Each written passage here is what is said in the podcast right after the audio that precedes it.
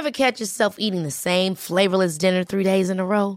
Dreaming of something better? Well, HelloFresh is your guilt-free dream come true, baby. It's me, Gigi Palmer. Let's wake up those taste buds with hot, juicy pecan-crusted chicken or garlic butter shrimp scampi. Mm. Hello Fresh. Stop dreaming of all the delicious possibilities and dig in at HelloFresh.com. Let's get this dinner party started.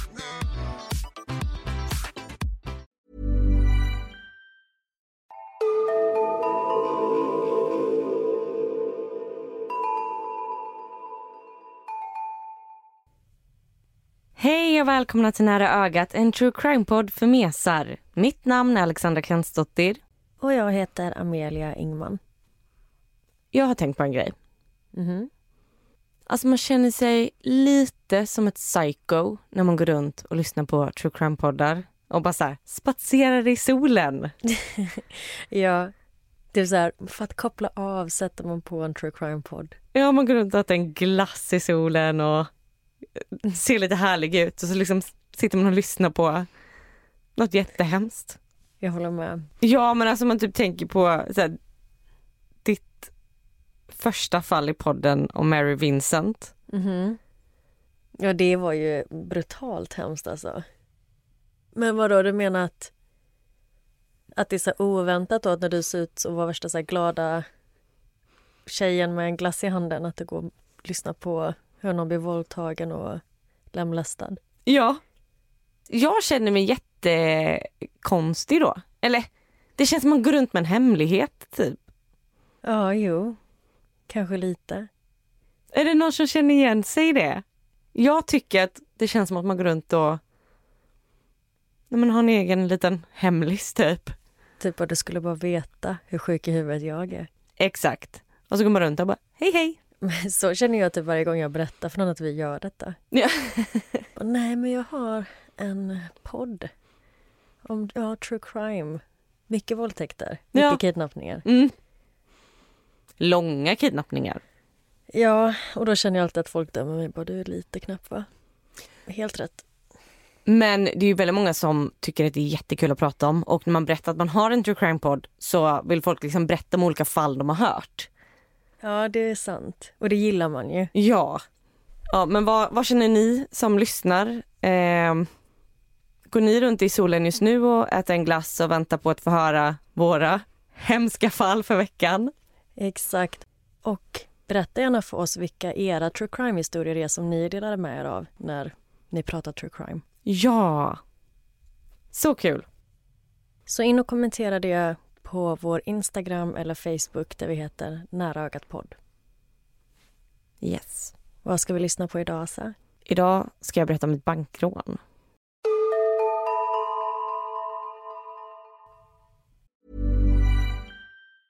Many of us have those stubborn pounds that seem impossible to lose, no matter how good we eat or how hard we work out. My solution is PlushCare. PlushCare is a leading telehealth provider with doctors who are there for you day and night to partner with you in your weight loss journey. They can prescribe FDA-approved weight loss medications like Wagovi and Zepbound for those who qualify. Plus, they accept most insurance plans. To get started, visit plushcare.com slash weight loss. That's plushcare.com slash weight loss. Ever catch yourself eating the same flavorless dinner three days in a row? Dreaming of something better? Well, HelloFresh is your guilt-free dream come true, baby. It's me, Gigi Palmer. Let's wake up those taste buds with hot, juicy pecan-crusted chicken or garlic butter shrimp scampi. Mm. Hello Fresh. Stop dreaming of all the delicious possibilities and dig in at HelloFresh.com. Let's get this dinner party started.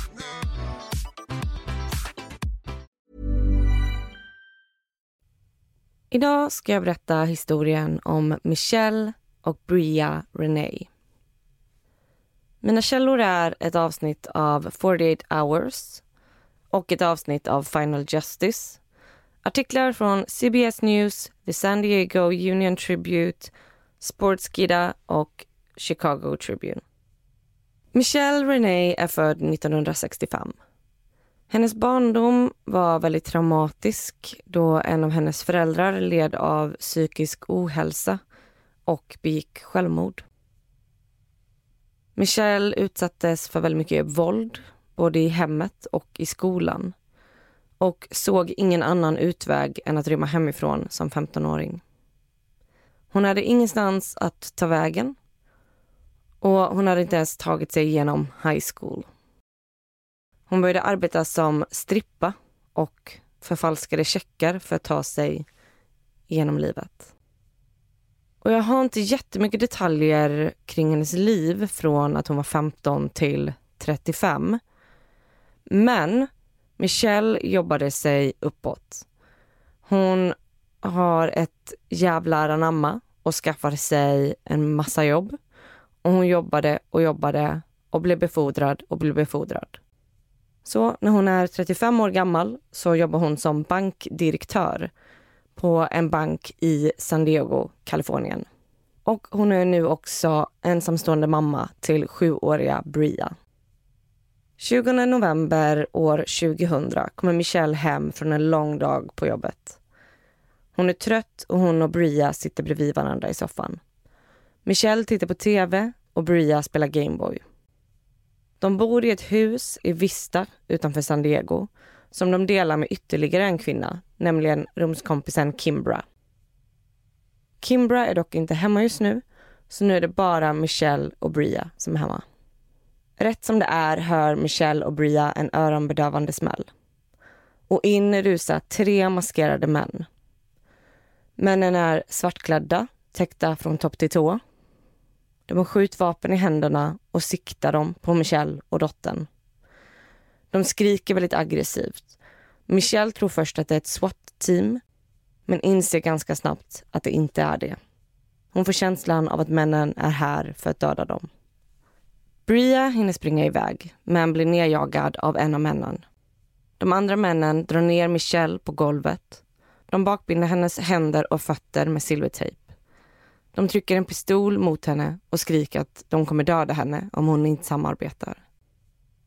De lyfter upp henne och vänder henne om så hon kan se hur sjuåriga Bria också blir bakbunden med silvertejp. Bria ligger ner med ansiktet i mattan och en man som står över henne står och riktar en pistol mot hennes huvud. Michelle är livrädd. Hon kommer göra allt för att rädda sin dotter. Bria frågar en av männen om de kommer döda hennes mamma eller om de ska döda henne.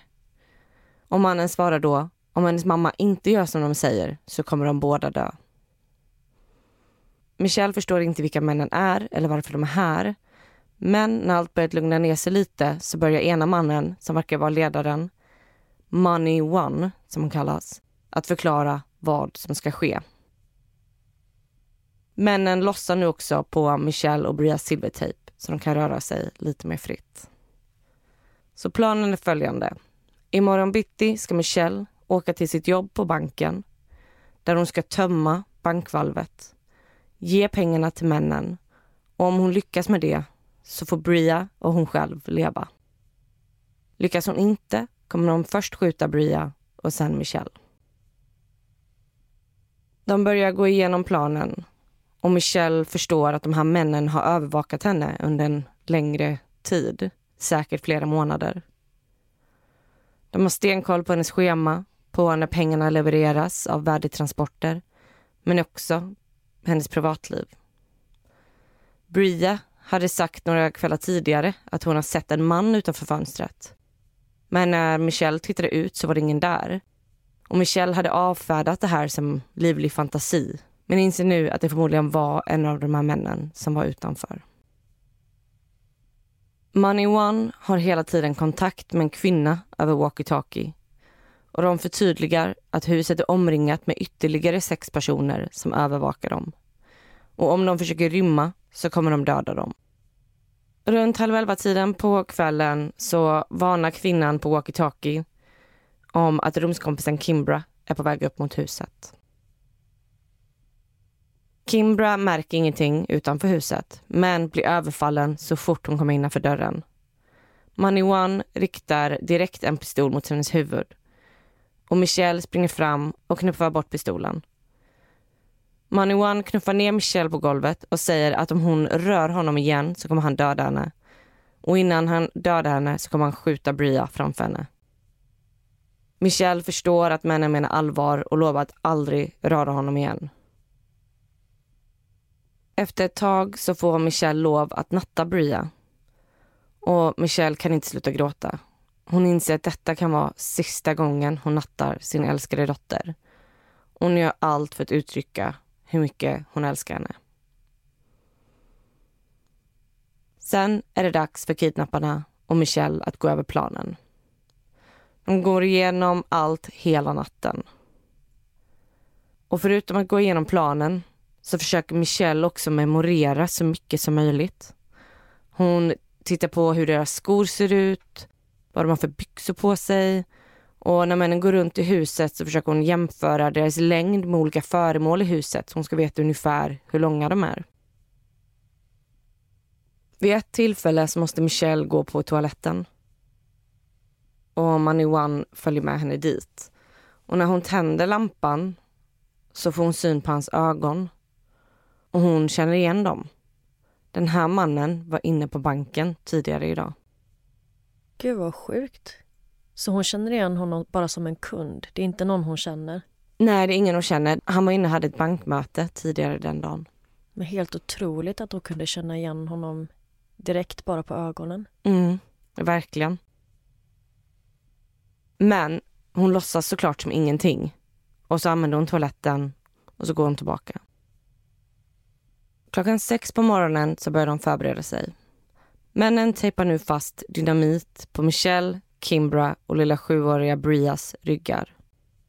Bria vänder sig om och frågar sin mamma vad det är de tejpar på henne. Men Michelle har inte hjärta att svara.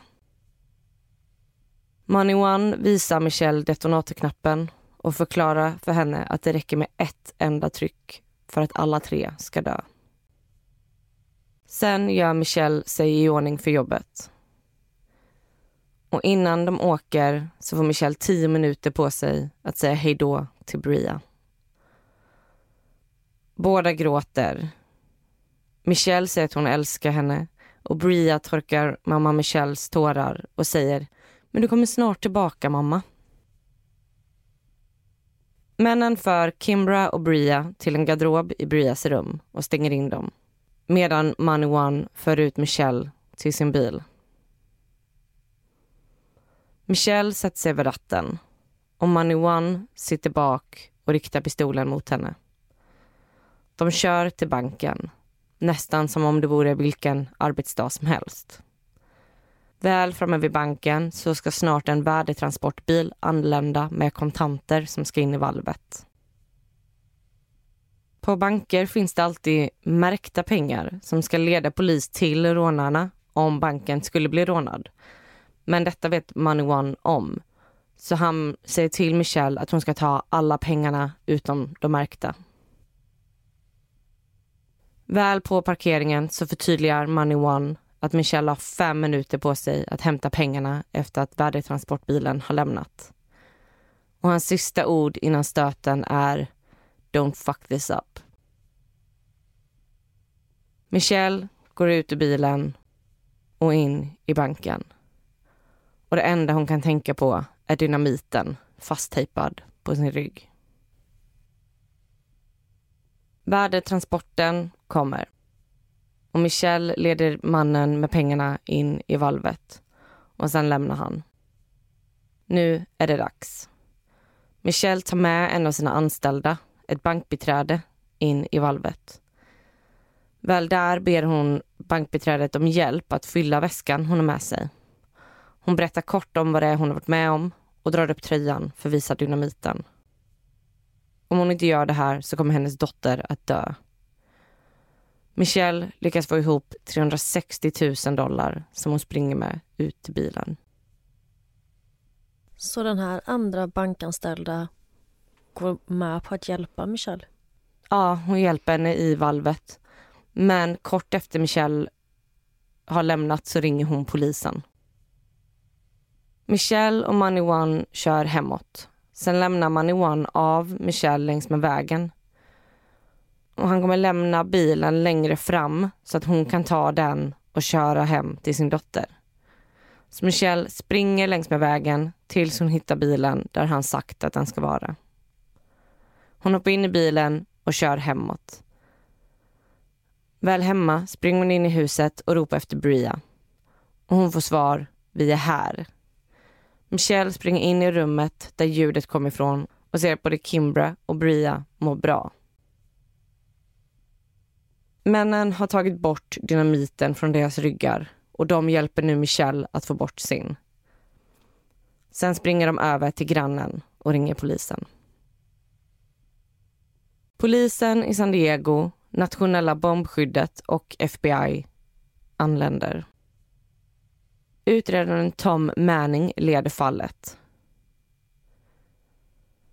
Han tillsammans med andra poliser intervjuar offren i flera timmar. Sen skickas de till ett hotell. Polisen inser ganska snabbt att dynamiten som var fasttejpad på kvinnorna inte var äkta. Utan de var målade trästavar med sladdar. Men under press och fästa på ryggen på någon så kan man enkelt tro att det är riktiga dynamitgubbar. Under förhöret så berättar Michelle att hon kände igen Money Ones ögon och att det är samma person som har kommit in på bankkontoret tidigare under dagen. Mannen hade sagt att han inväntade ett arv och frågade lite frågor kring att öppna ett konto hos dem. Sen hade de blivit avbrutna av en kvinna som kom in. Och hon hade sagt att det var dags att gå och mannen hade då lämnat ett visitkort till Michelle. Och Michelle inser nu att kvinnan lät exakt som kvinnan på walkie-talkien under kidnappningen. Utredaren Tom Manning hittar visitkortet och det tillhör Christopher Chris Butler. Chris bor bara någon kilometer från banken tillsammans med sin sambo Lisa. Och Chris har en historia av att råna banker. Så polisen börjar nu övervaka paret. Men varför lämnar han sitt visitkort? Med sitt riktiga namn. Så jäkla dumt. Jag vet faktiskt inte alls. Det här är så klumpigt. Han hade ju lika gärna bara kunnat gå ut när den här kvinnan kommer in och hämtar honom.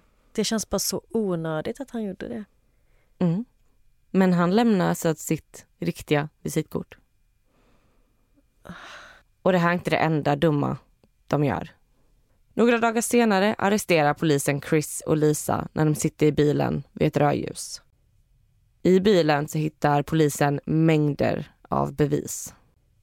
De hittar vapen. Dock är det en BB-gun eller ett slags luftgevär de hittar.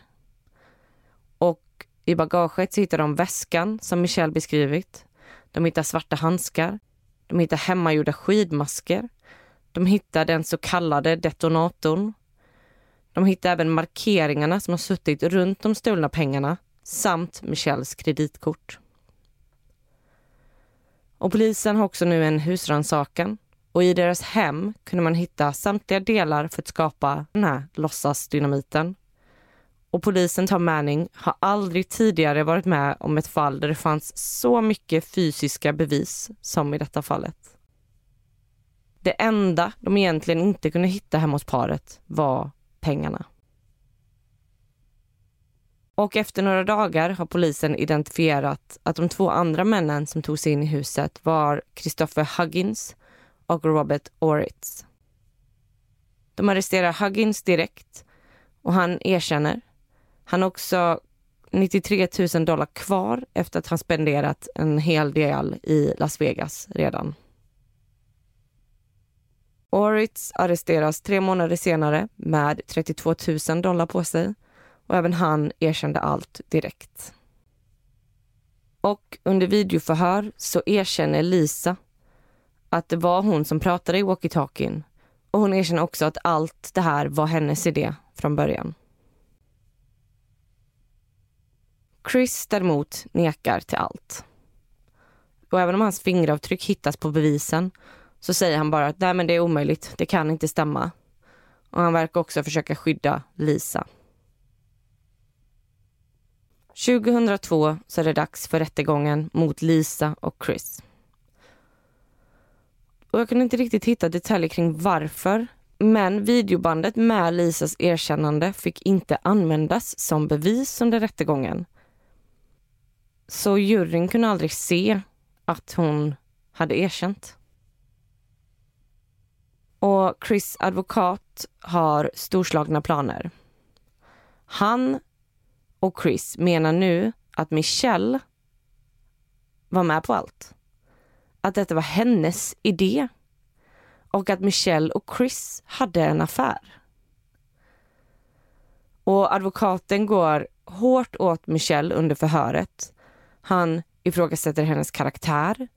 Han tar upp det faktum att hon har jobbat som strippa, att hon är en olämplig mamma. Och han börjar korsföra henne som om hon vore gärningsmannen och inte ett offer.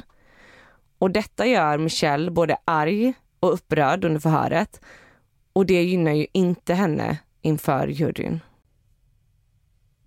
Alltså det här är så fult spel.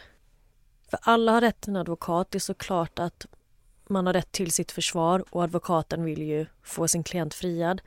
Men den här typen av smutskastning, alltså det är så lågt. Har inte hon varit igenom tillräckligt? Ja, och Chris advokat är med i ett av de här avsnitten som jag pratade om i början som jag använt som källa. Och han är liksom stolt över sitt tillvägagångssätt för att få sin klient fri. Det är så till vilket pris som helst. Han vet ju att Lisa har erkänt Mm. att det här var hennes idé. Men det vet ju inte juryn och juryn kan inte få reda på det. Fult alltså. Mm. Jag menar han riskerar ju att få en oskyldig människa fängslad. Ja, och det som är väldigt fult är också så början på 2000-talet och han trycker så mycket på att hon har jobbat som strippa, han går in på hennes sexliv och att hon inte skulle vara en lämplig mamma. Och att det då är bevis för att hon lätt hade kunnat vara med på något sånt här. Ja, jag vet inte vad jag ska säga. Det är bara... Jag hoppas inte att juryn köpte det. Efter fem dagars överläggning så kom juryn fram till att Michelle är oskyldig. Och de kom också fram till att Lisa är oskyldig. Chris däremot blev dömd till fängelse och jag kunde inte riktigt hitta någon detalj kring hur långt straff han fick. Men medhjälparna Huggins och Oritz blev också dömda till fängelse i en senare rättegång. Michelle och Bria mår otroligt dåligt direkt efter händelsen. De vågar inte bo kvar i huset. Michelle får svår PTSD och kan inte jobba, så de förlorar allt. De bor på olika hotell och motell längs vägarna. Men istället för att vara arg, sur och bitter så valde Michelle en annan väg. Och hennes sätt att hantera hela den här händelsen var att skriva om det. Så medan Bria var i skolan så lånade Michelle en dator på biblioteket och började skriva ner allt hon mindes från händelsen. Och ett tag senare så blev hon kontaktad av filmproducenter så frågar om hon inte har funderat på att skriva ner sin historia. Och då svarar hon att jo, jag har redan skrivit ner 380 sidor och en dagbok utöver det. Så de här filmproducenterna satte henne i kontakt med en författare som kunde stötta upp och forma det Michelle skrivit till en bok som släpps 2006. Boken heter Held Hostage, The True Story of a Mother and a Daughter's Kidnapping. Och efter detta så börjar Michelle åka ut på turnéer och hålla inspirationsföreläsningar. Och hon menar om något dåligt händer så kommer du komma ut starkare på andra sidan. Bria, som bara var sju år när allt det här hände, var i flera år väldigt inåtvänd och hon nästan gömde sig. Men under high school så hittade hon cheerleading som fick henne att blomstra. Och hon blev väldigt aktiv och hade äntligen något som gav henne mening. Men som 18-åring så hände något. Och en dag så kan hon inte gå på ena benet. Och bara några timmar senare så var hon nästan helt paralyserad och blind på ena ögat. Hon läggs då in på sjukhus och diagnostiseras med MS. En sjukdom som attackerar kroppens egna immunförsvar. Hon kunde inte röra sig hon kunde inte prata, hon kunde inte se. Men Bria är en person med otroligt mycket kämpaglöd och genom hårt arbete och mycket rehab och bra sjukvård så lyckades hon lära sig att gå, stå, äta och prata igen. Och hon skrev även sin collegeansökan från sjukhuset och blev antagen. 2020 så prövades Chris för att få ett tidsbestämt straff. Och när han gjorde det så erkände han att Michelle endast var ett offer. Att hon inte alls var hjärnan bakom bankrånet. Han nekades dock och är fortsatt bakom galler. Och under prövningen så berättar han även att han har läst Michelles bok flera gånger och att han nu verkligen ber om ursäkt för allt som hände. Michelle accepterar hans ursäkt och uppskattar att han äntligen är ärlig. Men hon vill fortfarande inte att han ska släppas. Michelle och Bria har haft kontakt med både Huggins och Oritz. Och båda de erkände ju direkt. Och under den rättegången så hade Oritz vänt sig om mot Michelle och viskat förlåt. Och Michelle och Bria har båda förlåtit männen och vill nu att de ska få släppas. Och de menar att båda männen har förändrats och ångrar det de gjorde. Och även om det var Oritz som höll en pistol mot Brias huvud den dagen så har Bria varit på hans prövningar och argumenterats för att han ska få släppas. Och 2021 så blev han villkorligt frigiven. Och idag skulle de faktiskt inte vilja ändra något i deras förflutna för det har skapat vilka de är idag. Bria är en fantastisk dotter och de har ett väldigt speciellt band till varandra som bara blir starkare för varje dag. Och det var historien om Michelle och Bria Renee.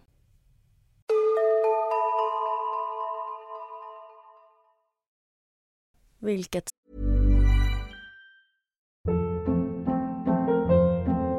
Hold up. What was that? Boring. No flavor. That was as bad as those leftovers you ate all week. Kiki Palmer here, and it's time to say hello to something fresh and guilt-free. Hello Fresh. Jazz up dinner with pecan-crusted chicken or garlic butter shrimp scampi. Now that's music to my mouth. Hello Fresh. Let's get this dinner party started. Discover all the delicious possibilities at hellofresh.com.